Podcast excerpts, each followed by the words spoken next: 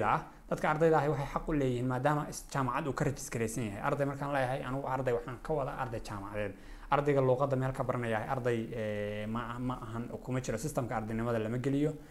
Arday waxaa la yidhahdaa qofka statuskiisa uu hoos tago wasaaradda waxbarashada dalka turkiga mataqaana halkaas ku rajiskaraysan marka ardayga noocaasa waxaa loo ogol yahay dowladdu ogoshahay saddex bilood gudaheed maalinku yimid ilaa saddex bilood gudaheed inuu ku samaysto iqaamada guud ee wadanka sorry waxaan ka wadaa insurance guud ee wadanka ee kan dowladda inuu ku samaysto. Midda ku xigta waxa weye midda barefadka ah. Midda barefadka qof walba oo iqaamo samaysanaya oo soo haray kulli way samaysan karaan noocyadeedan waxay u badan tahay mid xadidan oo wax yar mataqaana qofka aan ma badna macnaha awoodda ay leedahay ma badna. Shuruudda iqaamada unbay dadku badana u qaataan inay ku buuxiyaan. Shuruucda deganaanshaha ardayga haddii aan ayadan sii dhex galo ardayga marka koowaad uu yimaado wuxuu la xiriirayaa jaamacaddiisa wuu isdiiwaan gelinayaa kadibna wuxuu u gudbayaa inuu xareeyo systemkii iqaamada ee waddanka uu ku joogi lahaa maadaama fiisadu ay tahay macnaheeda koowaad uu yahay waddanka in lagu soo galo. Jaamacadaha turkiga dowladda qeybta gooshi daaraysa ama waaxda socdaalka waxay u qoondaysay ardayga jaamacadda dhiganaya ee ardaynimo raba inuu waddanka ku joogo inuu aado jaamacaddiisa oo faylkiisa oo dhammaystiran ugu dhiibo markuu qabsado ballanta iyo mataqaana uu shuruudihii laga rabin uu soo buuxiyo. Kadibna jaamacadda ayaa documentkiisa hawshiisa wada laakiin taasna waxaan aada ugu boorinayaa ardayda cusub ay imaanaysa ama ardayda hore u joogtay in faylkooda marka hore ay si fiican u jeegareeyaan ayagoon wax ka qaldanayn ay mataqana jaamacadda u dhiibaan. Sababtoo ah halkaas waxaa imaan karta waqti dhumis xoogaa dheer oo jaamacaddu mataqaana maadaama ay markay geynaysa faylasha ayagu aysan qofkii shaksiga ahaa faylka lahaa maadaama aysan ahayn in halkaa dibdhac ka imaadaa suurtagala marka ardaygu waa inuu marka hore iska jeegareeyo wixii macluumaada ka qaldanaan kara ama u sahnaan kara haddaan taas ka sii gudbo muddada ugu horeysa ee qofku iqaamo ku dalban karo normally systemka waddanka turkiga waxaa weeye soddon beri gudaheed. Soddon beri gudaheed qofku waa inuu mataqaanaa hadduu rabo inuu waddanka deganaado inuu iqaamada ku dalbado. Waxyaabaha halkaas ka soo baxaya oo kala dheeriya waxaa ka mid ah qofka sideed iyo toban jir ka weyn iyo qofka sideed iyo toban jir ka yar.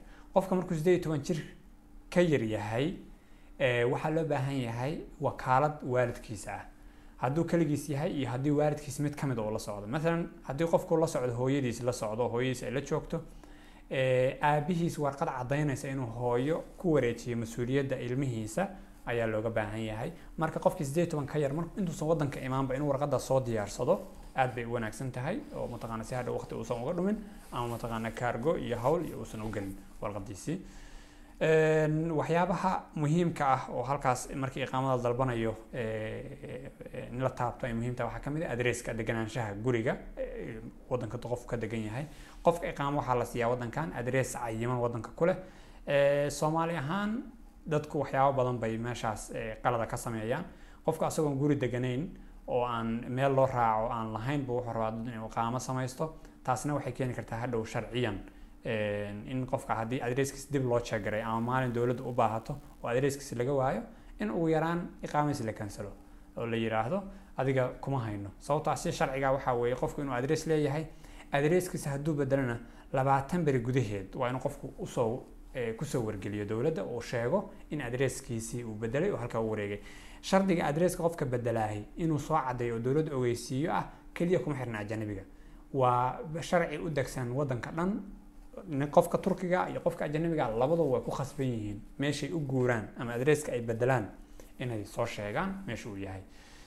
Halkaas deganaanshaha waxaan sii raacinayaa haddana inkastoo aan ahayd inaan hore ku sheego dadka qaxootiga ah waddankan raba inay mataqaana meengelidan ku joogaan.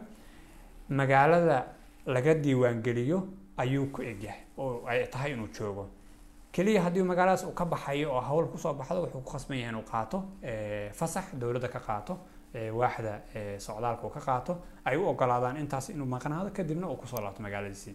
Marka adreska laakiin ardaydu ama dadka kaloo dalxiiska waddanka ku jooga ama iqaamada dadka fiisaha dalxiiska ku yimid ay ku joogaan ayadu shardigaas male qofku meeshuu doonuu aadi karaa. Laakiin haddii uu guuro waa inuu dowladda u sheego inuu mataqaana uu guuray.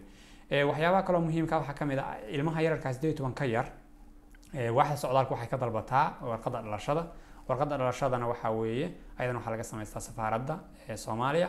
Haddii qofka soomaaliga ah uu yahay qof wadan kale dhalashadiisa haystana wadankaas uu dhalashadiisa haysto ayuu ka qaadan karaa warqadda mataqaanaa warqadda dhalashada ee ilmihiisa hadduusan hore u haynin. Waxaan halkaas ku sii daray intaas horta waxaan ku soo koobayaa insha allah wixii iqaamada quseeyey xareynteedii iyo dalbashadeedii iyo shuruucdeedii hadda waxaan u gudbayaa waxyaabaha kale ee la xiriira shuruucda deganaanshaha waddanka oo ay ka ugu horeyso dhicitaanka iqaamada. Iqaamada marka ay kaa dhacdo waxaa ku qasban tahay haddaad waddanka sii joogaysid inaad cusboonaysiisid marka intaysan waqtigeedu dhicin ayuu systemku wuxuu ku ogol yahay extension ama cusboonaysin ama inaad muddo kororsi samaysatid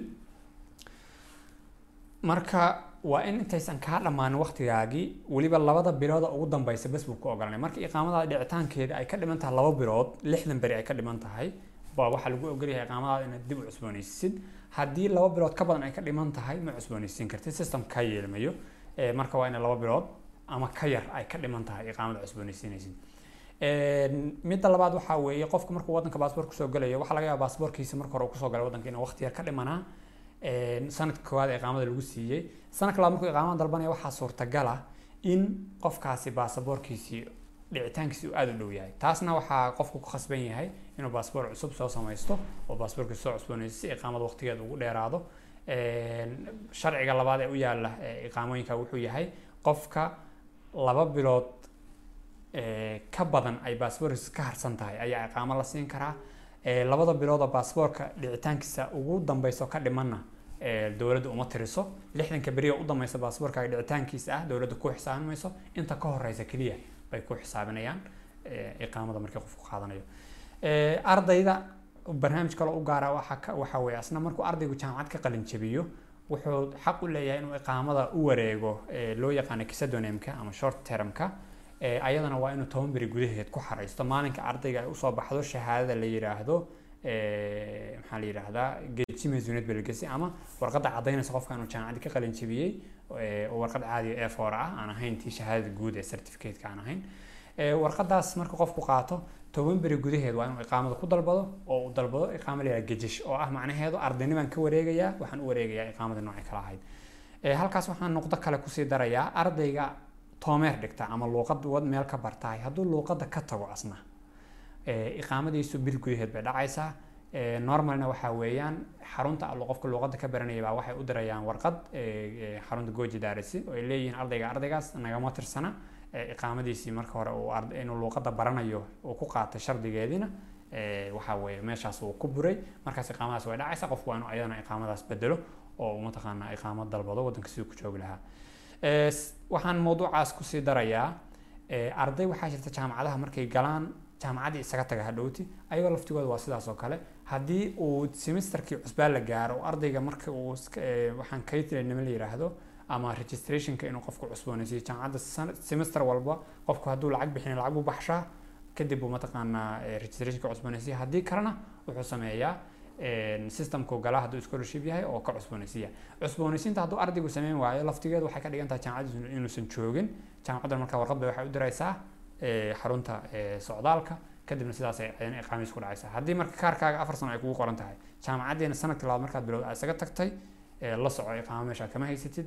Waxaa weeye jaamacaddaas waxay u badan tahay inay email u diraan xaruntaas oo iqaamadii saa lagaaga joojiyo. Marka saad waddan ku sii joogi lahayd markaas waa inaad adigu ka fakartid oo aad qorshaysatid.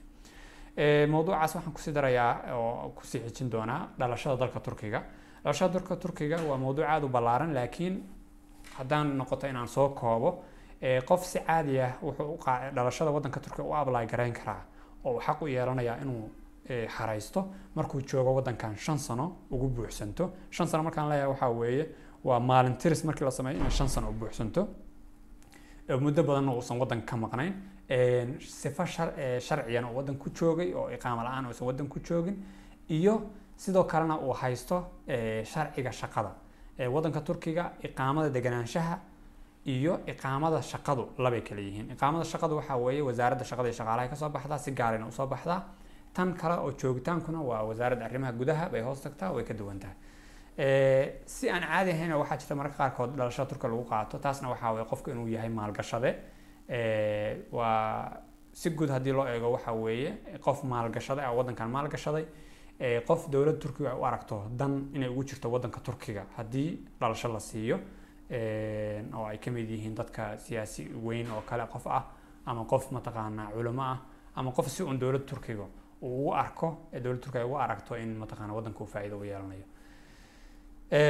Halkaas waxaan ku soo joojinayaa waxyaabihii ku saabsanaa iqaamada iyo sureejka la xiriira ama ee, systemka la xiriira waxaan ee, haddana wax yar ka taaban doonaa tarxiilidda dadka qaar waxaa jira ee, waddanka lagu khasba inay ka baxaan. Waddanka turkiga qofkii jebiya qaanuun ka mid a qaanuunadiisa ee, qaanuuno badan oo waxaa jira qofka ajnabiga ah lagu khasbayo inuu waddanka ka baxo. Waxaa ka mid ah iqaamadiisu hadday dhacsan tahay ama waddanka sharci la'aan ku joogo muddo ayada lafteedu waxay ka mid tahay waxyaabaha qofka lagu tarxiilo ama waddanka inuu isaga baxo loogu sheego. Ee, qofka magangelgo- magan- magangelya doonka ah ama qaxootiga ah haddii la tarxiilo ama loo soo qoro sharci warqad sheegaysa inuu waddanka isaga baxo asagu wuxuu xaq u leeyahay inuu dacwo gudbisto oo maxkamadaha waddanka oo saddex heer la kala maro ay jirto inuu ka dalbado in tarxiilkiisa laga kansalo laga dhaafo oo cafis la siiyo. Ayadana waxaa weeye qofkii macluumaad dheeri uga baahan wuu sii dabageli karaa. Noqdo kale oo aan rabo inaan xoojiyo waxaa weeye ogolaanshaha shaqada ee waddanka turkiga. Ogolaanshaha shaqada ee waddanka turkiga ee, waxaa weeye waa sharci ka baxsan deganaanshaha qofku xaq wuxuu u yeelanayaa inuu shaqaysto markii uu helo kaarka shaqada taasna waxaa lagu heli karaa qofku inuu xarun u shaqeeyo xaruntaasna ay u soo saarto kaarka shaqada ee waddanka lagu shaqeeyo xaqa shaqada siinaya. Ardayda si gaara ayaga xaqaas shaqan shaqada ma heli karaan way heli karaan laakiin shuruud baa ku xiran. Qofka masterka iyo qofka phd da ayaga shurud shardi kuma xirna intay rabaan bay shaqaysan karaan. Haddii jaamacaddiisu aysan shardi kale ku xirin laakiin qofka bachelorka dhiganaya asbuuca dhan waxaa la ogol yahay labaatan afar saacadood keliya inuu shaqaysto. labaatan afar saacadood haddii aan qiimeyno waxaa weeye waa sideed saacadood oo maalin walba ah. Waa saddex maalmood bay ku soo koobmaysaa asbuuc inuu shaqaysan karo oo kale. Halkaas waxaan ku soo koobayaa wixii la xiriiray shuruudda deganaanshaha waddanka turkiga hal noqdo aan ku darayaa waxay tahay dokumentiyada looga baahan yahay dadka markay iqaamo w- si guud waan u soo yaro sheegay laakiin ayagana hadda haddaan tirsi ahaan u laabto waxaa ka mid a kow baasaboorka waddanka eh, baasaboor inuu haysto qofku oo baasaboor leeyahay si uu iqaamada ugu samaysto. Labo inuu cayimsan caafimaad haysto. Saddex inuu deegaan haysto adres haysto. Ee, aad waxaan dadka ugu boorin lahaa qofka raba inuu deegaan samaysto. Inuu samaysto maxaa la dhahaa, adres runa oo uu leeyahay ama guri uu degan yahay uu ku tirsan yahay oo magaciisa uu ku jirayo inuu mataqaanaa samaysto oo ay soomaalidu iska daayaan waxyaabaha warwareega ay sameeyaan oo qaarkood ay dhacdo inay ku waayaan iqaamadooda lagu kansalo dib loo aan mataqaana hadhow iqaamo loo siinin. Intaas waa inta guud qofka haddii uu baasaboorkiisu ka dhaco waddanka uu ku soo galay hadduu ka dhaco oo hadhowna baasaboor cusub uu safaaradda soomaalida ee waddanka turkiga ka samaysto markuu iqaamada dalbanayo waxaa looga baahan yahay labadii baasaboorba inuu soo qaato. Kii hore oo ka dhacay oo fiisuhu ay saarnayd iyo kii cusbaa ee baasaboorka cusub uu mataqaanaa uu fiisaha ee, sorry uu iqaamada ku qaadanay markii dambe. Int guud ahaan intaasaan ku soo koobayaa macluumaadka ku saabsan deegaanka iyo waddanka turkiga sharcigiisa deganaanshaha. Soomaalida waddankan joogta guud ahaan waxay isugu jiraan soomaali baasboor soomaaliya haysata iyo soomaali baasboorro kale ajnabiga haysata. Marka dadka qofka soomaaligana waxaa laga yaabaa shuruud gaar inuu mararka qaarkood yeesho. Qofka wada soomaaliga ah ee shuruud baasboor waddan kale haystan waxaa laga yaabaa waxyaabo kale in laga dalbado. Marka marka qofka uu iqaamada dalbado officerka iqaamada iqaamooyinka sameynaya uu la fariisto waxaa suurtagala shuruudo dheeriya in laga dalbado. Shuruudaha dheerigaana ee, hadba waxay ku xiran tahay qofka uu uu ka haysto dhalashada oo baasaboorka uu wato ee, bay ku xiran tahay Ee, intaasaan ku soo koobaya aad baa umahadsantihiin soo dhawaada asalaamu calaykum